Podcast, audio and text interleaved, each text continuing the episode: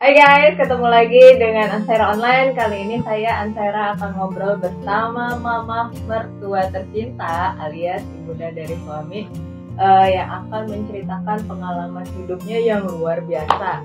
Uh, tujuannya sih sebenarnya untuk menginspirasi saya pribadi dan teman-teman semua bagaimana harus berjuang bertahan hidup di tengah kondisi uh, dunia yang makin banyak persaingannya terutama dalam bidang pekerjaan. Oke, sebelumnya uh, silakan mau memperkenalkan diri dulu. Namanya siapa dan asli mana? Assalamualaikum warahmatullahi wabarakatuh. Waalaikumsalam warahmatullahi wabarakatuh. Hmm, nama saya Karika, eh, berasal dari Bumi Ayu, Cirampok. Oh, itu ya dekat Purwokerto. Iya.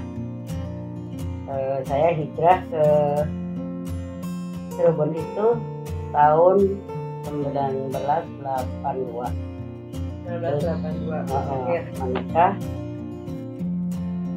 84 Oh, Uh, jadi 82 biasalah main-main anak-anak biasa. Terus bersekolah bapaknya anak-anak. oh, akhirnya Itu nikah. nggak lama, nggak Oh, lama, nggak nggak kita nggak sistem pacaran kayak jam sekarang kan.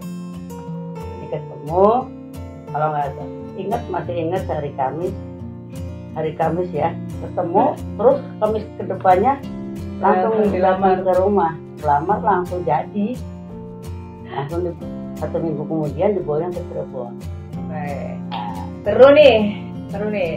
Eh, Nita mau tanya-tanya dulu. Sebenarnya kalau dipanggil di rumah namanya Nita ya guys. Di Antara tuh nama panggung aja. Jadi Nita mau tanya nih Ma, Eh, Mama sama Bapak tuh beda berapa tahun nikah tuh? 22 tahun Waktu itu Mama umur 18 19, Bapak udah eh, udah 40 tahun. 42. Wah. 42. 42 tahun. Wah lumayan ya. Itu kayak tapi masih bujang iya ya. maksudnya belum belum pernah menikah itu memang eh, beliau katanya terlambat menikah Ya nunggu Mama besar berarti. Jodoh ya. Terus gimana menyatukan perbedaan antara mama sama bapak kan beda umur pasti beda pandangan, beda persepsi ya. ya udah pasti jelas menikah itu kan nggak nggak serta merta langsung jadi harmonisnya kan enggak. jadi menyamakan dulu ininya kadang-kadang ya sering ada cekcokkan sedikit sedikit itu wajar Iya, iya. menurut menurut mama itu wajar karena nggak ada sih rumah tangga langsung yang sudah pacaran lama juga mungkin ya tapi prinsip saya adalah waktu itu nggak nggak punya banyak pikiran yang aneh-aneh sekali menikah hanya sekali ya menikah dan tidak ada arti perceraian hanya Allah yang bisa mengambil Oh, Masya Allah. Wow, ini menarik ya. Perbedaan umur yang jauh berarti ketika mama umur 20-an ke atas, bapak udah masuk 50-60 tahunan ya. Iya. Berarti kan secara produktivitas kerja akan beda ya, maksudnya turun. Berarti maaf sempat bapak eh ya sebelumnya nih, bapak itu awalnya kerja apa mas? Kalau boleh dia tahu. jadi RT Oh Pak RT. Ah, ah. Tapi RT dulu tuh nggak nggak sama dengan sekarang ya dulu nggak dulu, gaji. nggak ada ya maksudnya bantu warga aja dengan ketulusan dan Ya kalau ada yang ikhlas ngasih Hmm. gitu. Terus selain itu berarti eh, apa lagi? yang ditunjang sama saya usaha Oh. apa aja usaha Terus Mama berarti itu lulus sekolah kalau boleh tahu nih buat teman-teman semua yang nonton. Mama sampai SMA atau enggak ini sih ini pertanyaan sensitif tapi ada hal yang mau disampaikan sebetulnya makanya ini agak nanya ke pendidikan segala macam sih. Terus eh, Mama sendiri udah lulus SMA saat itu atau gimana nih pas Mama pindah ke Cirebon itu atau pas nikah? saya tuh sekolah nggak sampai apalagi SMP SMA SD aja kelas 1, kelas 2 naik ke kelas 3 harusnya sudah nggak mau Oh sudah Mama. bukan orang tua yang ini tapi kebatilan sendiri. kesalahan itu ada sebuah jangan sampai eh, generasi-generasi yang saat saat sekarang ini ya jangan sampai ikut bahwa sekolah itu dianggap nggak penting. Oh mama dulu berpikirnya sekolah nggak penting, yang Karena saat itu aja kan- gitu. memang mama harus juga ya maksudnya membantu orang tua dalam pemikiran anak kecilnya dulu gitu kan.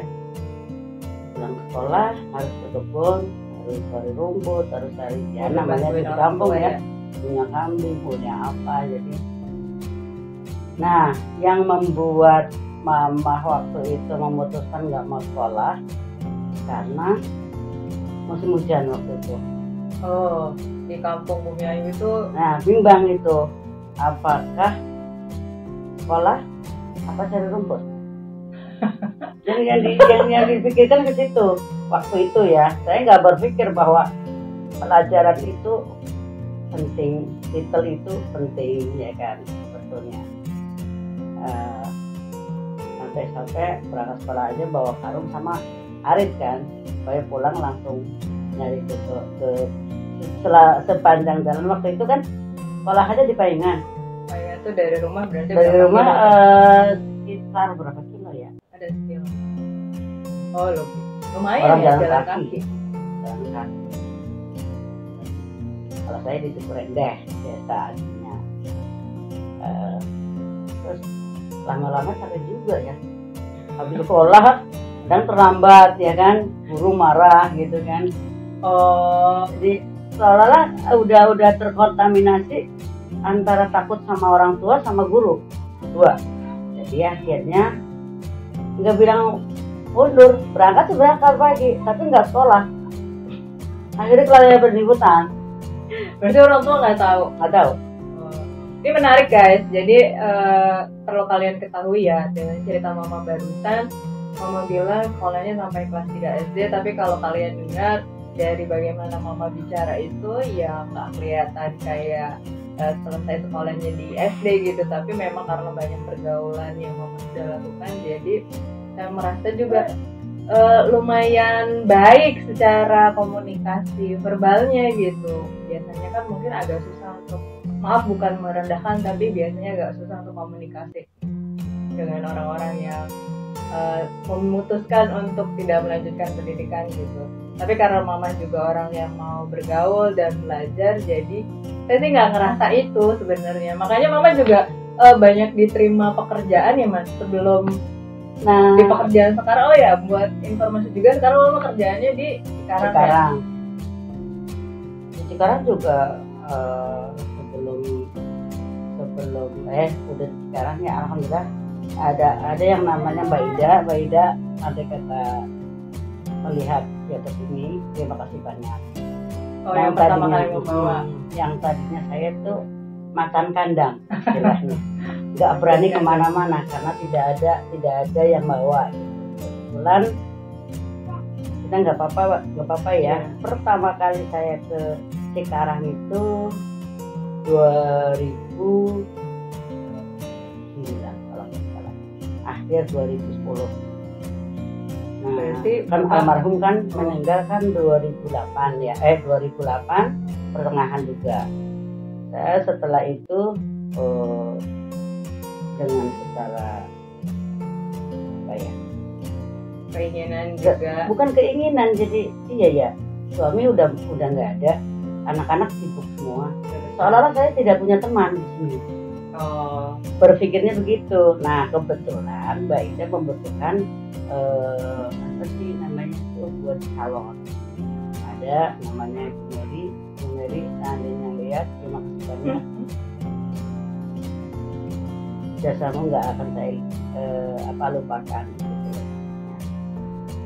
Ya, jadi saya dibukakan salon saat itu mungkin karena masih dalam tahap belajar. Tahap belajar tapi alhamdulillah memang saya berangkat dari Cirebon tuh basicnya mijit ya. Oh mama bisa mijit ya? Ya banget ya aku juga pernah di basicnya kayak. basicnya basicnya mijit jadi kebetulan ada yang mau buka salon di bawah untuk dengan kecantikan kayak facial ya kan? Kayak banyak macam lah yang yang yang untuk kecantikan eh, kedokteran itu. Uh, lantai dua untuk salon khusus buat dewe standar ya untuk kesehatan wanita lah khususnya. Oh, oh menarik ya. Jadi pesan tersirat yang sekarang disampaikan mama tuh sekolah itu penting guys. Tapi kalau seandainya memang sekolahnya nggak bisa lanjut karena keputusan sendiri atau kondisi keluarga yang nggak memungkinkan uh, sekolah poin pentingnya yang penting mau belajar ya mama ya. Mama belajar untuk mijet kemudian uh, dapat pekerjaan di salon berarti diajarin siapa mijet? Sepertinya nggak ada yang ngajarin ya? Oh naluriah aja Ah, ya oh, naluri kalau aja mijet kayak saat gini itu gitu ya. eh, di saya juga nggak ngerti. Ya, memang Allah udah harus apa ya harus jalannya. Mungkin karena Allah melihat selama membesarkan anak kan ibaratnya kerja apa aja. Karena nggak punya pendidikan kan kerja kasar ya? Yang penting kan saat itu hanya pikiran satu halal ya dan menjaga per- kepercayaan. Itu aja. Ya. Menjaga kepercayaan. Sebelum ke sekarang mungkin sekarang ini udah udah mempunyai rasa kenikmatan tersendiri ya. Berarti sekarang mama kerja di salon juga ya? Sekarang enggak. Oh, sekarang lagi kalau dibilang kadang di salon lagi nggak ada status yang di mana signifikan gitu tapi gitu. tapi tetap beberapa saya ada ini ini namanya Ibu Jeli terima kasih banyak ya kan Eh, selama ini sayang sama saya dan memberikan pekerjaan yang begitu bagusnya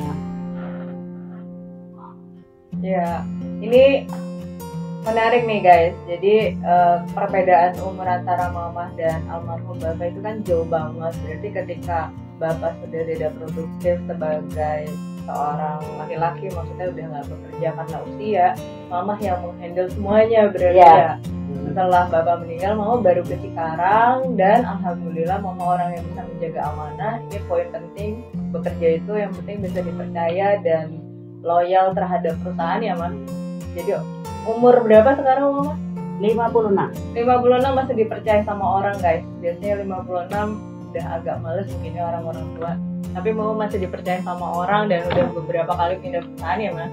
Nah berarti sebelum ke Cikarang di Cirebon pada saat bapak sudah tidak produktif kerja mama kerja apa aja berarti? Uh wow. itu sih ya kalau dihitung secara ini mah sama-sama biasa lah itu orang panggilan. Di itu wanita panggilan. Yang penting anak-anak bisa sekolah anak-anak bisa makan gitu kan. Yang penting Saat- halal ya, yang penting nomor satu halal. Nomor satu halal. Eh sampai ya? Ke zaman dulu ya zaman terakhir dari 8586 ya kan itu kerja hanya dapatnya 3.500 nah gambarannya 3.500 harga beras berapa tuh harga beras itu ke seribuan kali ya. Wah, oh enggak. 250 kalau nggak Oh, salah 350. berarti dapat 10 kilo Ini, beras lah ya. pokoknya 3.500 buat sanggup anak sekolah juga buat sarapan pagi. Terus buat beli beras sama minyak sudah Gir lagi ada yang manggil. Jadi nggak nggak ini. Alhamdulillah anak-anak juga bisa bisa. Walaupun masih kecil ya tapi sudah mengerti bahwa hidup itu nggak gampang. Penting itu yang fighting dan halal ya. kerjaan terus? Terus akhirnya ya sebetulnya kalau sebelum ketemu sama Mbak Ida ya ini kan larinya dari Mbak Ida orang kuningan oh, yang yang kerjanya di Cikarang gitu itu ya ya. sebelum. Itu banyak sekali ya becak pernah Oh, ya Masya kan? Ya kan? Jadi songgol kulit apa, itu kulit sayuran di pasar gitu sayuran. Ya enggak soalnya Ya. gini. Ini sudah keputusan mama bahwa menikah dengan ya kan, orang dengan beda orang usia yang beda jauh. usia dan ini udah udah memang tanggung jawab. Udah memilih. Konsekuen apa yang mama pilih gitu loh maksud itu ya walaupun banyak sekali-kali mungkin tapi bukan berarti kemarahan itu ditimpakan kepada yang lain. Kembali lagi kepada diri sendiri menyadarkan diri bahwa lah kenapa lu mau? Gitu. Kenapa lu kenapa mau? lu mau? gitu kan. Istilahnya zaman sekarang gitu. Kalau dulu kan nggak ada ada gua nggak ada lu gitu kan. Nah ya saat itu ya tak bikin santai sih. cuman bingung kalau sudah jam 9 malam kalau ke pasar jaga satu itu kalau pasiennya udah tengok-tengok tidak dapat itu baru baru lari ke jaga satu. Kan bongkaran sayur kan malam. Bongkaran sarung kan malam. Jadi pokoknya finishnya gini kodrat wanita itu kan ya kalau nggak nyuci dipanggil jadi pembantu ya kan? Nah kan halal. Jadi pembantu beres-beres rumah dipakan orang gitu kan kebetulan kalau di Cirebon itu eh, letaknya di pesantren itu kan berkesinambungan dengan orang Tionghoa baik semua. Alhamdulillah. baik-baik semuanya. Bukan bukan berarti ini sampai detik ini pun mungkin ada yang sudah pulang ada yang masih ada gitu. Itu kebaikan mereka mereka itulah yang membawa saya sampai sekarang ini.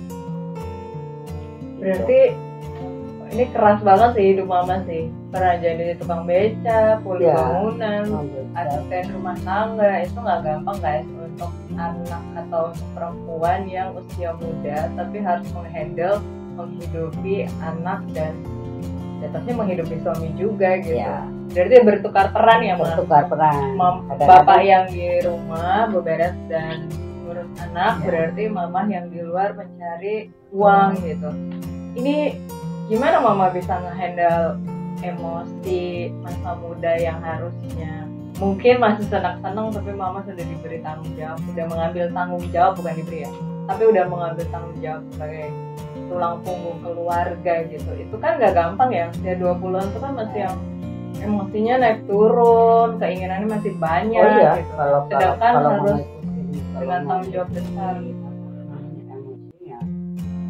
namanya manusia biasa dan lain-lain tapi hanya satu. Apa yang saya ambil itulah tanggung jawab sepenuhnya. Makanya sampai detik ini pun apa yang saya katakan akan kembali ke saya apa yang saya ambil keputusan akan kembali saya sendiri bukan untuk orang lain. Nah saat itu juga sebetulnya kan waktunya lagi main. Iya 18 usia tahun kan 20 masih 18 berarti mama punya anak pertama umur berapa tuh umur 19 gak punya anak guys dan itu Pokoknya menikah 84 ya. Anak pertama 85, Bali 85 anak kedua 88, anak ketiga 91. beda 3 tahun semua 3 ya tahun, 3 tahun, 3 tahun. Itu memang itu padahal saya dicegah loh. Maksudnya ya udahlah mau punya satu aja. Seperti ini, tapi Allah menghendaki Ya. tiga. Ya, saya ya. Cuman saat itu mungkin kebetulan aja anak-anak juga nurut sih ya kali ya. Jadi ya ada di salon, ada di bensin, banyak sekali sih kerjaan sebetulnya kalau di komponen. Karena di mana nggak dapat ya di sini, ke sini nggak dapat di sini. Jadi ada peribatannya gini. Mama saat itu ah nggak dapat pagi ya siang, nggak dapat siang ya malam sore, nggak dapat sore ya malam. Kalau sampai malam jam 9 jam 10 nggak dapat apa-apa, paling baru baru ah, apa ya namanya itu pinjem bisa. Untuk sejalan aja. Hanya Untuk untuk pagi-pagi untuk tanggung sekolah. Sama sarapan. Wah masya Allah. Gitu. Nah itu eh, semuanya ya memang memang saya karena anak-anak kan bukan nggak salah. Dan kehidupan ini pun nggak salah. Saya baru nyadarin bahwa dulu ya mungkin lah. Ada rasa kesel waktunya ngopi tapi melihat lagi anak-anak ya kan? Nggak pernah ada kebandelan yang akan memaksakan. Sampai terakhir saya itu kerja saya udah mulai tanding berarti mama bisa mijit dari umur udah belajar. Udah udah belajar cuman kan waktu itu saya ke puskesmas kalau nggak salah bawa anak yang nomor tiga. Tiga satu.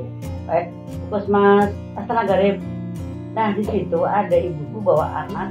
Anak seumuran lima lima tahun. Eh lima tahun iya lima tahunan. Terus saya nangis saja nangis aja saya Oh, pegang itu. Itu sih asli. Nggak tahu orangnya di mana. Saya pegang asik sampai dirinya sampai antennya sampai dapat bilang kan ngantrinya panjang. Hmm. waktu antrian saya juga akhirnya ya udahlah anak saya masih hanya itu kan baru anget maler aja kan. Kayaknya saya pulang lah cerita sama bapak? Oh itu awal sama muasalnya. suami gitu kan. Asal muasal itu. Pulang wah tadi di uh, puskesmas bawa Edi. Kok saya mijit ada orang katanya ini sakit. Bengkak juga sih pipinya kata saya kok dipegang sih? Nah kayaknya bisa mijit kamu mah gitu. Oh. nah itu di titik itu akhirnya alhamdulillah dalam hati ya nggak nggak nggak ngurangi rasa syukurnya. Kalau mijit saya awal. Dia mijit bapak. ah kok tangannya kayak udah ada mata kata dia tuh gitu terus akhirnya ibu mah Tetangga. tetangga terus di kampung kita ada yang tadinya sakit sedikit nah kayaknya oh, kayak ini baru baru awal yang baik gitu kan setelah baru kesimpulan sampai Pekerjaan kasar gitu. ya, ya. itu terakhir yang finish benar-benar menguras tenaga sekali itu waktu Eli mau lulus STPL kurang uang 125 kurang uang. Karena bingung. Ini kalau ijazah nggak bisa keluar sampai mengorbankan adik tidak selesai Iya Mas. jadi alhamdulillah makanya anak-anak saya ada ada rasa itu. Karena anak-anak juga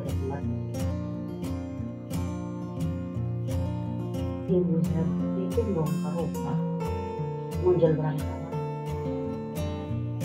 banyak itu daripada si ijazah nggak keluar gitu. Eh, kalau dulu kan bukan kayak sekarang ya ada bantuan sana sini sana sini gitu kan. Lah, gitu ya saya nggak berpikir apa ya oh, nggak ada bantuan enggak nggak berpikir. Ini udah tanggung jawab saya saya harus membesarkan semampu saya. Kan nanti kalau udah mampu ya udah ya sekolah sampai di sini gitu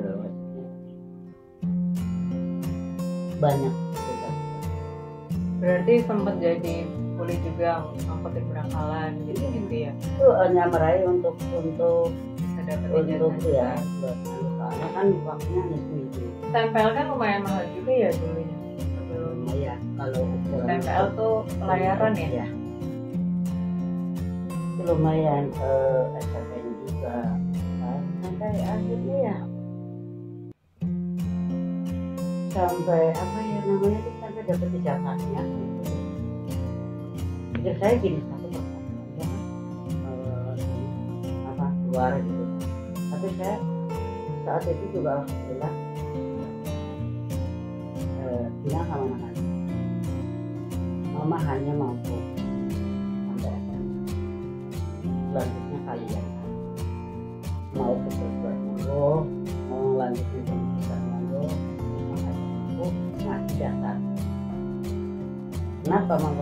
di kayak gitu. Lebih baik saya yang sampai saya nggak mau kayak mama.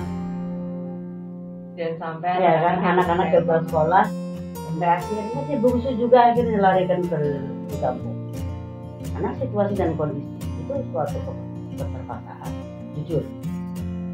Sebetulnya tidak rela daripada kamu nggak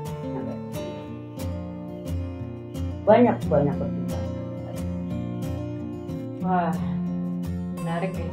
Berarti eh, pelajaran penting yang diambil dari mama ini selain harus jadi orang yang amanah dan dipercaya saat bekerja juga harus bertanggung jawab dengan apa pun yang kita sudah ambil keputusannya di awal ya Mas. Mama memutuskan untuk menikah dengan bapak yang jarak umurnya itu jauh dan mama bertanggung jawab penuh untuk mengambil alih ya udah kalau bapak nggak bisa produktif saya yang bisa berjuang untuk menghidupi anak-anak gitu ya. Mama bener-bener saat itu nggak berpikir harus ini suami ini begini gitu. Enggak. Jadi nggak berpikiran untuk pisah dari bapak enggak berarti? Enggak masya allah. Enggak memang itu kan berat ya nggak enggak. semua perempuan memang bisa terima ya, kayak gitu namanya gitu. rumah tangga pasti ada krisis betul. Ya misalkan bapak tuh gimana sih? Lah mamanya tuh nggak ngomong iya iya gimana sih? Cakep cakep Nah, ya tapi saya berusaha untuk nanti kalau udah sadar juga maaf ya pak tadi melampiaskan kesalahan aja.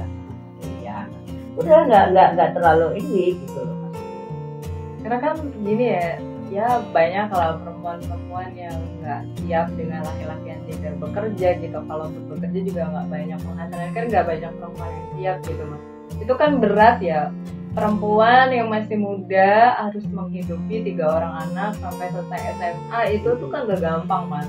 Apalagi pekerjaan yang diambil mama itu pekerjaan kasar gitu sebagai kuli bangunan untuk membeca kuli di pasar ngangkutin karung-karung sayuran atau Iya. karung-karung ibu-ibu gitu kali ya. Belanjaan-belanjaan ibu-ibu atau segala macam. Enggak itu yang dari mobil ke Oh, yang dari ke, kan, ke sayuran aja berarti. jadi pakai pakai keranjang gede dan itu nggak gampang untuk seorang perempuan muda yang keinginannya masih naik turun gejolak masa mudanya masih besar gitu. Mama sudah mengambil tanggung jawab itu tuh lumayan takjub sih. Umur 18 lagi ngapain ya saya? Mama udah harus menghandle rumah tangga dan cuma berpikir yang penting anak saya bisa makan yang Ya. penting anak saya bisa makan gitu ya mas. Tapi nggak banyak ada ada pernah banyak. ada orang ngajak waktu dulu Ngajak apa? kerja di karaoke. Oh. Pernah. Ada ke arah sana Ada, juga ada. dia ngajakin gitu. Saya cuma bilang gini dapat 50 ribu. dengan akadnya itu dengan yang 2.500 ribu tapi real dari tenaga yang benar-benar ini. Enggak lah halal ya mas gitu loh. Enggak enggak di sana kan enggak enggak cuma ada enggak enggak saya enggak enggak mau anak-anak diisi dengan hal-hal yang iya saya bukan munafik walaupun sekarang ini akhirnya kadang masuk ke karaoke kadang kerja di karaoke saya pernah kerja di karaoke juga. Tapi pada saat itu mudah-mudahan Allah melihat apa yang saya kerjakan dan apa yang saya lakukan. Dan saya nggak peduli dengan orang-orang yang kerja di sini pasti orangnya begitu. Oh, ya ternyata tidak. Dan saya belajar banyak. Ketika kerja di karaoke ya belajar banyak dari keimanan itu nggak harus disimpan di dunia yang memang lingkungan pesantren justru men- menempa keimanan itu ya. Banyak kok banyak jalan bisa korupsi orang bisa terganggu banyak ya. maksudnya untuk melarikan ke hal-hal yang negatif Iya, sebetulnya gampang sekali gitu ya. tapi ya karena dari awalnya saya menurut dengan Allah maha baik ya sekarang songgol. Yang harusnya 50 kilo itu nggak kuat. Tombol kuat. tuh ya nyonggol itu loh. Oh. nyonggol itu. Jadi kulit karena di situ mikirnya gini besok harus anak-anak harus bisa sekolah. Karena kegagalan saya ini saya nggak mau paham kan saya selalu lebih baik gitu ya. saya selalu bilang biarkan orang tua ya. Jangan sampai ngikutin pepatah. Jatuh tidak jauh dari pohon kelapa buah jatuh tidak tidak jauh dari pohonnya. Tapi yang mama harapkan adalah kecil lah masih umurnya Kamu harus ke bawah. Angin sejauh mungkin. Jangan sampai ngikutin jejak-jejak orang tua yang tidak bagus. Nasihatnya boleh kamu kompak. Kalau yang yang mungkin ada ada kata ya?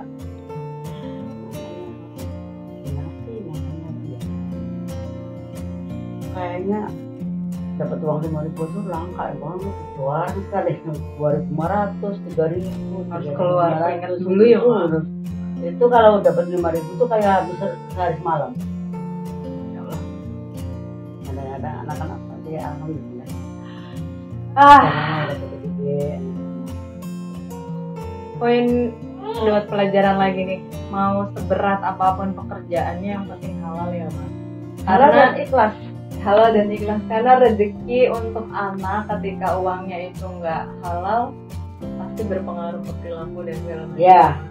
Jadi Ya. mama memang benar-benar uh, menjaga untuk tetap bekerja secara halal bertanggung jawab amanah. Itu yang membuat mama sekarang dipercaya oleh perusahaan-perusahaan. Mama udah beberapa kali juga kan pindah-pindah Ya. di Cikarang ya jadi guys untuk zaman sekarang kan semuanya perlu ijazah ya. Paling nggak itu SMA gitu. Tapi mama benar-benar yang sekolah aja SD-nya nggak selesai. Tapi mama dipercaya di banyak perusahaan. Ini pelajaran banget untuk kita semua kaum kaum muda di mana jangan bersedih hati ketika nggak bisa melanjutkan pendidikan. Yang penting kita punya attitude yang baik amanah bertanggung jawab bisa dipercaya dan tetap di jalur uh, yang halal itu yang mau aku share sih sebenarnya. Uh, poin penting dari kehidupan mama tuh itu. Dan ketika mendapatkan suami yang tidak sesuai ekspektasi atau akhirnya harus kita handle keadaan rumah tangga secara ekonominya ya udah jangan mudah untuk berkata cerai berarti ya. Nggak ada. Berarti mama tuh bener-bener kuat untuk ya udah saya mau menikah sampai mau memisahkan masya allah merinding dengernya walaupun udah pernah cerita ya tapi tetap kalau ini diulangi lagi dibahas lagi itu tetap memberi motivasi buat kita sendiri gitu tujuannya ya semoga video ini ada manfaatnya buat teman-teman yang nonton di luar sana jangan pesimis dan tetap tetap jadi orang baik dan bekerja di jalur yang halal Baik Ma, terima kasih banyak. Mumpung ya. Mama di Cirebon bisa berbagi cerita yang inspiratif banget. Guys, gimana guys? Aku sih termotivasi. Gimana dengan kalian? Uh, mudah-mudahan juga termotivasi juga di hari yang Fitri ini. Kebetulan pas hari Raya Idul Fitri, uh, kita mendapatkan pelajaran yang baik dari orang tua, dari mamah, dari suami saya dan semoga ini memberikan dampak positif bagi teman-teman semua.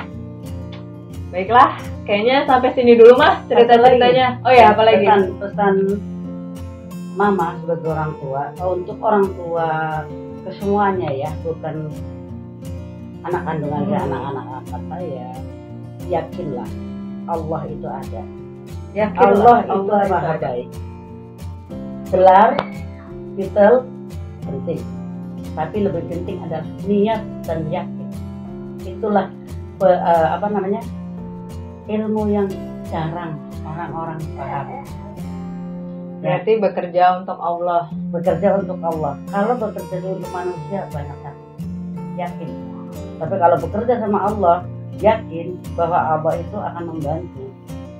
Apa yang kita perbuat apa pasti bakal kita sendiri yang kembali ke diri sendiri. berbuatlah baik. Agar kita kembali ke baik alhamdulillah masya allah. Semangat. Luar biasa jangan kurang dari doa jangan kurangi doa tetap berpositif thinking dan tetap berbuat baik menuju baik itu baik oke guys sampai sini dulu ngobrol-ngobrolnya dengan mama mertua tercinta Uh, sampai nanti di video selanjutnya. Bye bye. Assalamualaikum warahmatullahi wabarakatuh.